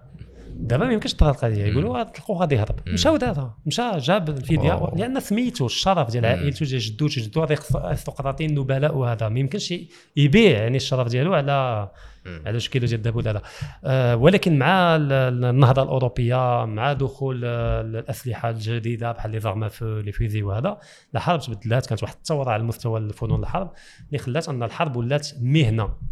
ما بقاتش وظيفة ديال الارستقراطيين ولات مهنة ديال من؟ ديال المشترية. تتخلصوا باش يحارب. وجا الفقراء اللي باغيين يهربوا من المجاعات يدخلوا يحاربوا من أجل من أجل المال فقط. ومن بعد ولات احترافية. ولات armée professionnelle هي تنشوفوا دابا ولا أكثر الجيوش اللي دابا كاين في الدول الغربية جيوش اللي هي اللي هي احترافية ماشي الشعب اللي تعيطوا له service militaire بقاو نيت في القضية ديال التوقعات. آه، في نظرك آه، مورا القمة اللي اللي دارت واش واش غادي تبقى أمريكان قوة عظمى؟ على أين قمة؟ ديال بريكس. أجي البريكس المشكل البريكس أن اولا ما عندهمش واحد ما عندهمش واحد la cohérence واحد التناسق ثقافي وجغرافي. الغرب عنده واحد متناسق الغرب. نفس الأرضية الفكرية فهمتي تقريبا نفس التاريخ إلا الولايات المتحدة لأن جداد ولكن ما تقات من العالم الغربي من اوروبا فهمتي هذا عندهم واحد واحد العقل جماعي مشترك. لوغوس لوغوس كما تقول عقل جماعي المنظور ديالهم للعالم العلاقة الجسم العلاقة الموت مشتركة. لمده قرون إلا ما قلناش 2000 سنة من الامبراطوريه الرومانية هي الأولى اللي جمعات جغرافيا جزء كبير من أوروبا داخل نفس المنظومة السياسية للامبراطوريه الرومانية. والقانون الروماني le droit romain راه هو البنية التحتية ديال القانون آه، القاري continental دابا. القانون المغربي راه قانون روماني. قانون فرنسي قانون روماني. ولكن التحديثات اللي طراو والتطورات اللي طراو. القانون الوحيد اللي من الأصل ديالو ماشي روماني اللي كاين في العالم هو الانجلو ساكسوني اللي كاين في الإنجليز واللي كاين في الأمريكان. ما مبنيش على القانون الروماني. donc البريكس ما عندهمش هذه الميزة هذه لأن فاش دير في, في نفس المنظومة البرازيل وروسيا أصلا ما كاين حتى شي علاقه يعني. لا عرقية لا دينية لا فكرية لا تاريخية لا حتى حاجة. نفس الشيء في شد الصين وإفريقيا الجنوبية. باقي الهند الصين نقولوا شوية. واخا ما تيتحاملوش ولا الكشمير ولا شي حاجة. مع باكستان وباكستان حليفة ديال الصين وداك اللاعبين واحد اللعب. المثلثات ايدوكو كي داروا التجمع زعما علاش زعما هاد هاد البلدان بخمسة؟ لأن هو أصلا واحد الميريكاني هو أصلا واحد الميريكاني ديال جولدمان ساكس أول واحد اللي اختار هذا الاسم ديال بريكس. قال لك أن هاد الدول هما اللي عندهم أسرع نمو اقتصادي في العالم 10% 8% 9% وهما les pays émergents الدول ماشي النامية ولكن émergents اللي تيخرج من الماء ما عرفتش نقول لها pays émergents هما اللي مستقبليا غادي يمثلوا أكثر من نص ديال الاقتصاد العالمي. ولكن هو قالها غير كآلية تفكير يعني كمقاربة. الأخرين خداوها. قال لك فعلا عنده الحق. إحنا فعلا ماشي غربيين ماشي ليبراليين. اي تلعبوا القانون الدولي وهذا لأن ما, ما عندناش كنديروا ولكن حنا ممكن نمثلوا بديل على الأقل اقتصادي للغرب. وبدات بشويه بشويه تتكون. الأول كانت غير بريك ومن بعد زادت آه، افريقيا الجنوبية ولات بريكس ودابا باغيين يوسعوها للمكسيك ولعده الدول ولكن ما يمكنش تبني شي حاجة فعالة بحال الحلف الأطلسي ولا بحال الاتحاد الأوروبي. انطلاقا من patchwork كتجي patchwork تشد توب من كل لون وتتخيطهم باش ديك التيشيرت تيجي تيخلع فهمتي ألوان مختلفة اشكال مختلفه مرقع. تيولي تطرقع ما كاينش بنيه فكرية ما كاينش أرضية فكرية وثقافية وحضارية مشتركة ما بيناتهم. آه لهذا أنا ما تنأمنش أن بريكس غادي يمثل بديل حقيقي بالحق اللي ممكن يمثل بديل حقيقي في المستقبل هو إلى اولا الصين والهند وباكستان قدوا يتجاوزوا الصراعات والخلافات اللي كاينة ما بيناتهم خاصة الخلافات خلافات على المستوى الترابي ما بين باكستان وما بين الهند وحتى ما بين الهند والصين كاين آه، بعض المسائل على المستوى الترابي اللي ما فاهمينش عليهم كل واحد تيقول ديالي. donc إلا قدوا يتجاوزوا هذه المسائل déjà راه عندك جمعتي غير ال PIB الناتج الداخلي الخام ديال الصين ديال الهند وديال باكستان. راك في واحد 35% من ال PIB ديال العالم. ولا زدتي روسيا؟ اللي عندها واحد الميزة اللي ما كايناش عند الصين واللي ما كايناش عند الهند واللي ما كايناش عند باكستان أنها اولا موجودة على المستوى الأوروبي وعلى المستوى الأسيوي. فبالتالي عند هذا الانتماء المزدوج غتسمح لهم أنهم يكتسبوا هذه العلاقة اللي عند روسيا مع مع اليونيفرسال مع الكونية. لأن تفهموا واحد القضية. كاع الحضارات اللي كانت عندهم واحد المقاربة كونية يعني تيقول حنا الفكر ديالنا راه للعالم. وغن غادي نوسعوه للعالم إما بالاستعمار إما بالتنوير الفكري إما بعد شكون هما؟ هما الدول اللي كانوا عرفوا ديانات ديال التوحيد أوكي. المسيحية والإسلام. الإسلام المنظور ديالو في العلاقة الكونية هو الأمة يعني الإسلام للعالمين فبالتالي العالم كله خصو يولي مسلم. لهذا كاين الدعوة وكاين الجهاد كان الجهاد آنذاك والدعوة اليوم هذا et cetera لأن كاين واحد الأرضية الدينية اللي مبنية على إله واحد وإله الجميع. كاع الناس ماشي اله طائفة ولا آلهة ديالهم بوحدهم ولا هذا. روسيا عندها المسيحية الأرثوذكسية نفس الشيء. هي المسيحية الحقيقية هما كيفاش يقولوا؟ لأن الأرثوذكس تعني لمطابق للعقيدة. orthodoxa يعني العقيدة الصحيحة. OK. فبالتالي حنا خصنا العالم كله يكون بحالنا لهذا فاش كانوا الشيوعيين بغاو يقسموا مع العالم كله الشيوعية. بالثوره وهذا الولايات المتحدة مع البروتستانتية نفس الشيء. لدرجه أن فاش المستوطنين الأولين اللي غادروا أوروبا باش يمشيو يستوطنوا اللي غتولي من بعد الولايات المتحدة اللي غتولي مستوطنات بريطانية ومن بعد مع استقلال المتحدة كانوا من المتطرفين الدينيين الأوروبيين البروتستانت اللي كانوا مضطهدين من طرف الكاثوليك واللي قال لك حنا فاش نشدوا البحر باش نمشيو لك الأراضي الجديدة في الحقيقة راه حنا تنقوموا بنفس الشيء اللي قام به آه، سيدنا موسى عليه السلام اللي كان الشعب ديالهم مضطهد من طرف فرعون.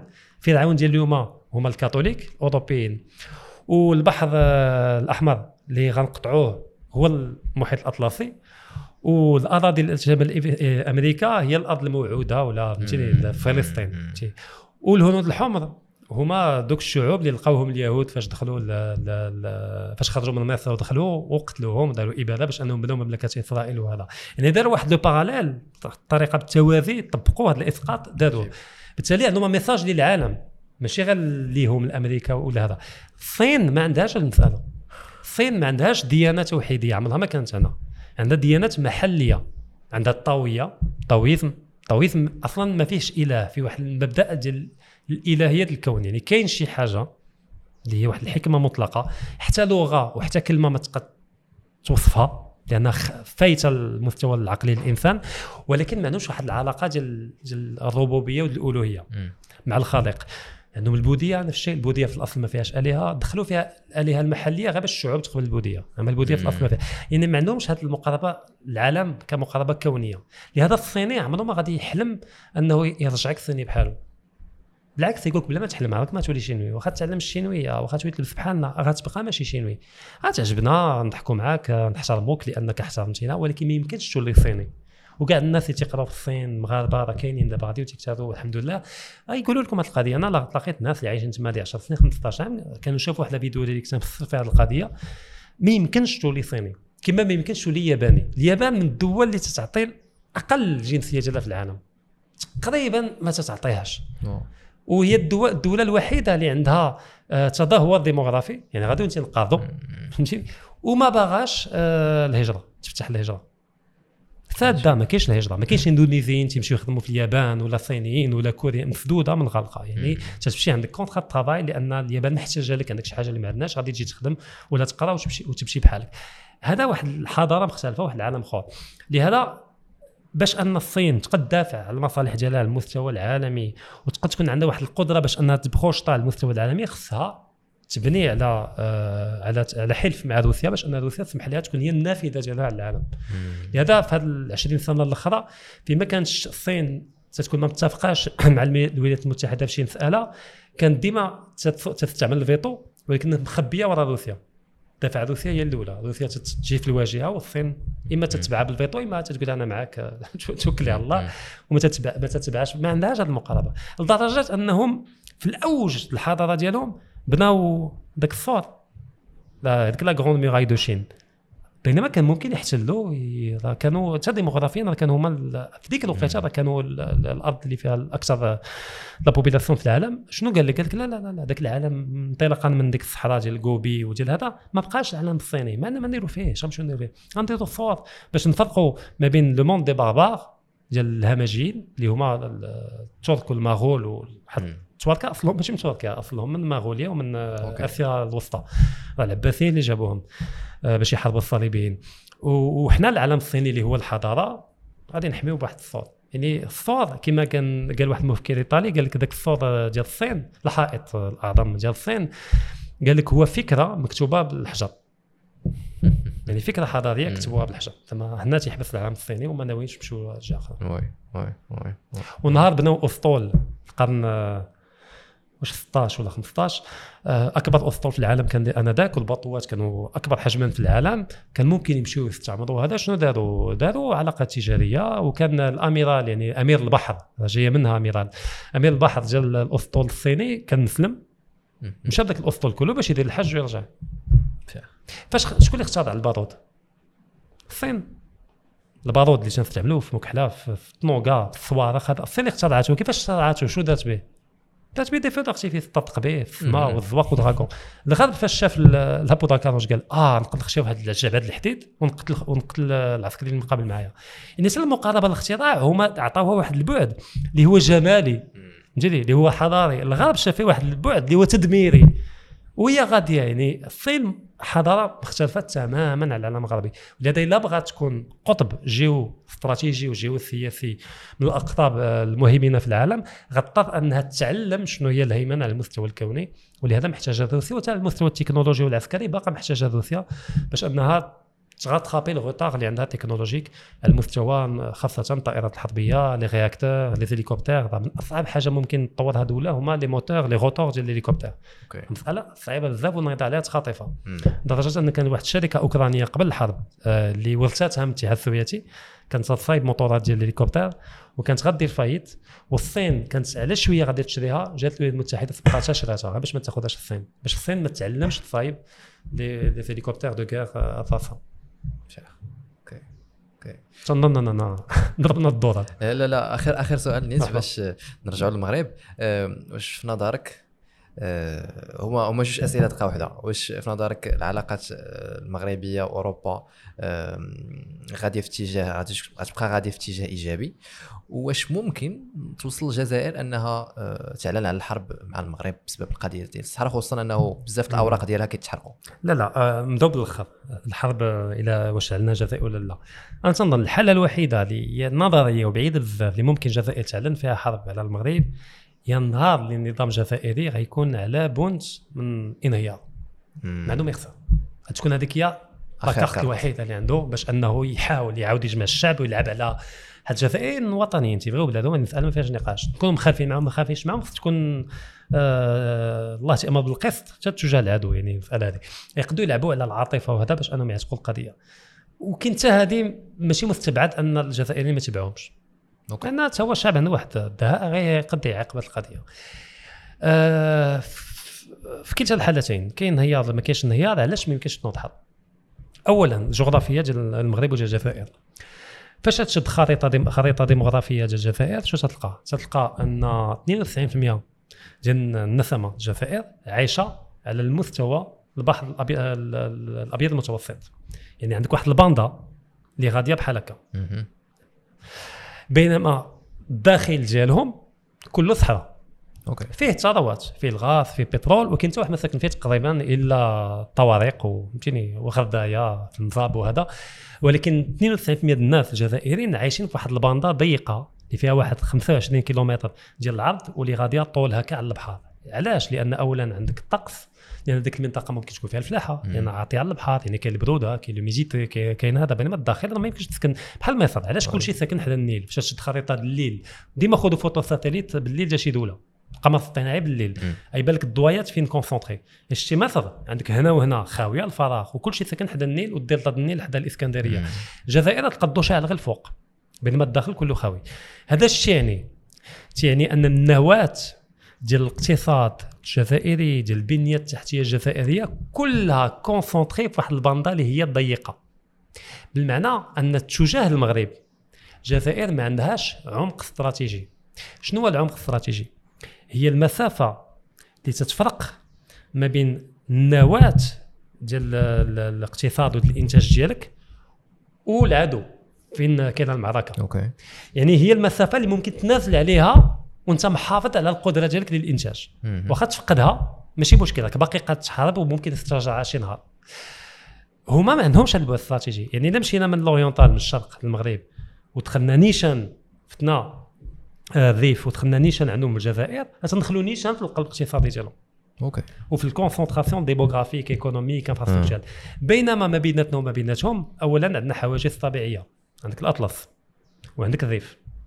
حتى تفهم أن الحرب راه جيش راه عندك طنوكا عندك infrastructure عندك la logistique فاش يكون عندك جيش ديال 100000 اللي غيمشيو يحاربوا خصك توكلهم خصك تشربهم خصك les munitions ديالهم l'approvisionnement ديالهم le déplacement ديالهم وهادشي كله. فاش يكون عندك غير ممرات داخل الاطلس وداخل الريف وهذا. راه صعيب باش أنك تجاوز واحد الحاجز اللي هو طبيعي اللي هو سلسلة جبلية كدا كتسخط هذه المساله الأولى حامينا المسألة الثانية حنا عندنا عمق استراتيجي تجاه الجزائر. علاش؟ حيت حنا فين عندنا النواة والقلب؟ القلب الاقتصادي ديالنا وهذا. كله جهة المحيط. يعني ما بيناتنا وما بين الجزائر معلوم الهدف ماشي نتنازلوا على وجدة ولا هذا. ولكن بغيت نقول لك أنا الله يحفظ إلا فقدنا دوك لي تيريتوار أحنا باقيين محافظين على القدرة ديالنا باش أننا نسترجعوهم باش أننا نصنعوا باش أننا نستوردوا الذخيرة من المحيط الأطلسي اللي غتجينا من الغرب من الولايات المتحدة من هذا اكسيتيرا هما ما عندهمش هما عارفين هذه القضية واعيين بها. المسألة الثانية الجيش المغربي كله تبنى على واحد المقاربة اللي هي أساسا دفاعية. لأن يعني المغرب ما طامعش في, في الجيران لا في موريتانيا واخا باقيين خايفين منا بطريقه في شكل ولا ولا تجاه الجزائر. فبالتالي المغرب تفنن في المسألة الدفاعية. اولا عندنا ديك الصنطة كما تنعيطوا لها في الجنوب أقاليم الجنوب اللي مستحيل يعني يدوزوها. وثانيا انت فاش تشوف النوعية الأسلحة اللي شرينا في 10 سنين 15 العام الأخر كلها أسلحة اللي ماشي مهمة بالكم ولكن مهمة في الكيف في الدقة ديالها. في النسبة ديال التكنولوجيا ديالها في الحداثة ديالها. لأن الهدف ديالنا هذا الكم ما يحتاج الكم باش تهجم. حيت فاش تبغي مثلا تحتل المدينة آه، القاعدة العسكرية تقول لك أن كل جندي تدافع خصك تحط ثلاثة الجنود اللي يهاجموا. حيت الدفاع ديما سهل من الهجوم تدافع عندك آه، بينما اللي تيهاجم تيفقد بزاف ديال الجنود بزاف ديال الذخيره بزاف ديال الأسلحة. لهذا الكم فاش تبغي المغرب تيلعب على الكيف. لي درون اللي شرينا مؤخرا من الصين واللي شرينا من الميريكان واللي شرينا من عند إسرائيل. كاع الأسلحة اللي المغرب طو... اللي شراها واللي باغي يطورها محليا لأن راه بدينا آه تنخدموا على هذه المساله هذه باش نطوروا ونصنعوا محليا آه سلاح.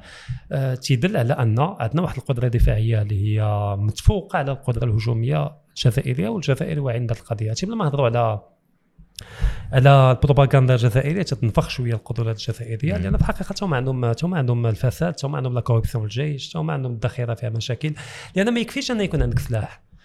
المشكل في الحرب هو الذخيره أكثر ما هو السلاح. إلا ما كنتيش تصنع أنت الذخيره محليا ولا ما عندكش واحد ال partenaire fiable اللي قد يعطيك الكميات تحتاجها في إطار الحرب يبقى لك تموكا ولكن ما عندكش باش تشري الجزائر تستورد من روسيا. روسيا بعيدة. بعيدة عن المغرب وبعيدة عن الجزائر. donc اذا دخلنا في حرب حنا الغرب حدانا. والقلب النواة ديال ديال الأسلحة المغربية الغرب. عندنا أسلحة روسية ماشي ما عندناش. عندنا طنوكا T 72 عندنا بعض المروحيات ولكن الأساس والبنية غربية هما حدانا. الذخيره ما عندناش مشكل أنتم منين تجيبوها؟ روسيا براسها في حرب دابا في أوكرانيا. لهذا ما تنأمنش أن ممكن تكون حرب ما بين وما مصلحة حتى واحد. لأن اذا طرات حرب الله يحفظ حتى واحد ما يربحها. c'est vrai كلشي يخسر. واخا غنربحوها عسكريا مثلا ولكن الثمن ما, ما يستاهلش أننا كاع ندخلوا في هذه المسائل وإنت إذا بدات غتجي من الجزائر ما تجيش منها سي فري سي فري سي فري وبالنسبة للعلاقات مع أوروبا؟ تنظن أن غادا تحسن ماشي لخاطرهم لأن أنا كان عندي واحد التخوف. فاش الولايات المتحده اعترفت آه، مغربية الصحراء بالسياده المغربية على الصحراء التخوف الوحيد اللي كان عندي هو أن إلا ترامب جا وطلعت une administration جديده يتراجعوا عليها. كنت خايف من المسألة. علاش؟ حيت فاش نهضروا على اللوبي اليهودي اللي قد يدافع على المغرب في الأيباك. لأن في ميريكان ما عندوش العقده اللوبي بحال في أوروبا ولا هذا. اللوبي عندهم رسمي. عنده autorisation عنده واحد le siège عنده bâtiment عنده واحد ال statut juridique ميريكان اللوبي عندهم ثقافة عادية فهمتي عندهم لايباك أنا كنت خايف ان أن لايباك لأن اليهود ماشي طبقة واحدة عندك على الأقل بعد جوج الفئات عندك الأشكناز والسفاراد الأشكناز هما اليهود اللي أصلهم أوروبا الشرقية. أوكرانيا بولونيا البلطيق هادو ما عندهم حتى علاقة مع المغرب تي مربين كبده المغرب ما هما معادين المغرب. عندهم المغرب دولة جد غيث على ليميت ولا هذا. شكون اللي واقفين معنا؟ هما اليهود الصفادات اليهود اللي أصلهم من العالم العربي ومن إسبانيا ومن البرتغال اللي كانوا غادروا إسبانيا والبرتغال وجاوا المغرب الأندلس وهذا. آه هادو مربين كبده المغرب. راه كاين ما بين 500 ألف و 800 ألف إسرائيلي اللي أصلهم مغربي. واش عرفتي 800 ألف دوله اللي فيها 7 مليون ولا 8 مليون نسمه يعني أصلا على المستوى السياسي الداخلي في إسرائيل التصويت ديالهم الصوت ديالهم عنده واحد الوزن تيقدروا يربحوا هذا ولا يخسروا هذا. يعني إلا كانوا متناسقين وعندهم نفس المنظور. ولكن على المستوى اللوبي اليهودي على المستوى العالمي الأشكناز هما اللي مهمين. أنك تخالف كنت خايف أن السفارات ما يقدوش يقنعوا الاشكناز باش إنهم يوقفوا مع المغرب آه، على المستوى الولايات المتحدة باش يدافعوا على هذا. الحمد لله هادشي اللي طرا يعني الحمد لله وقفوا. منين طلع بايدن؟ بايدن في الأول كان واحد التردد كان واحد الخطاب شوية فضفاض من طرف الولايات المتحدة واش غيبقى واش ما يبقاش واحد الوقيتة حسموا. يعني كاين واحد القوى اللي خدمات آه، وراء وي. اللي خلات أن تثبتوهم تما آه، واللي شجع إسرائيل إنها تعترف. حتى إسرائيل مطورين أنتم تيتسناو يشوفوا واش ملي كان آه، هادشي معقول يبقى. ولا يديروا لنا في عمره ويخليونا حنا بوحدنا حاصلين فهمتيني. على المستوى الغربي منين جا طمئنوا على أن الولايات المتحدة صافي القضية تنقشات في لو ماربر كما تنقولوا حتى هما جاو اعترفوا هذا مساله حتمية الاتحاد الأوروبي والدول الأوروبية غادا تضطر كرهتها وما كرهتش ف- وإلا غادي تفقد آه، أسواق اللي هي قدك تسخط على المستوى الإفريقي لأن الولايات المتحدة باغا تجي لافريقيا أو باغا ترجع لافريقيا لأنها غادرتها نسبيا مع انهيار الاتحاد السوفيتي لأن ما بقاش عندنا واحد لونجو اللي هو كبير. ولكن دابا مع الصين دخلت إفريقيا روسيا مع فاغنر دخلت في إفريقيا تركيا دخلت في إفريقيا غاضطر ترجع لهذا إلى أوروبا بغات تبقى عندها واحد الحصه تما. غاضطر أنها تقدم المغرب باش تدخل في des projets communs مشتركه ما بين المغرب والولايات المتحده ألمانيا أسبانيا. أسبانيا فهموا هذه القضية وعوا بها. بقى فرنسا الله يهديها. سي رشيد شكرا بزاف. بارك الله فيك شكرا انت على الاستضافة. الله يعطيك الخير شكرا. وتبارك الله على البودكاست اللي تدير به كما قلت لكم اوف أنا من المتتبعين ديالك شحال هذه. واش نقول لك؟ شرف ليا حيت أنايا من المتتبعين القدماء ديالك. واللي. واللي واللي زعما كيعجبوني بزاف les débats ديالك. وكنشوفك واحد الشخص تبارك الله اللي راسك عامر وما كرهتش ما كرهتش. عطيني السر باش نوليو شوية بحالك. يقول لك عندي زاوية وتنعطي السر واش نقول لك؟ تل تل تل اوف الله يحفظك بارك الله فيك. وتنشكر كاع المتتبعين. اللي متبعينك واللي تيشجعوا العمل اللي تقوم به. شكرا. تبارك الله عليك. شكرا الله عليكم. كاملين. الطاقم التقني كله راه كل شيء كل شيء واقف عليهم راه الا خو بينا ياك. ما بقى والو. وشكرا حتى الناس اللي اللي مازال كي كيسمعوا لينا حتى دابا. ونتلاقاو في حلقة جديدة من الحلم المغربي. السلام عليكم.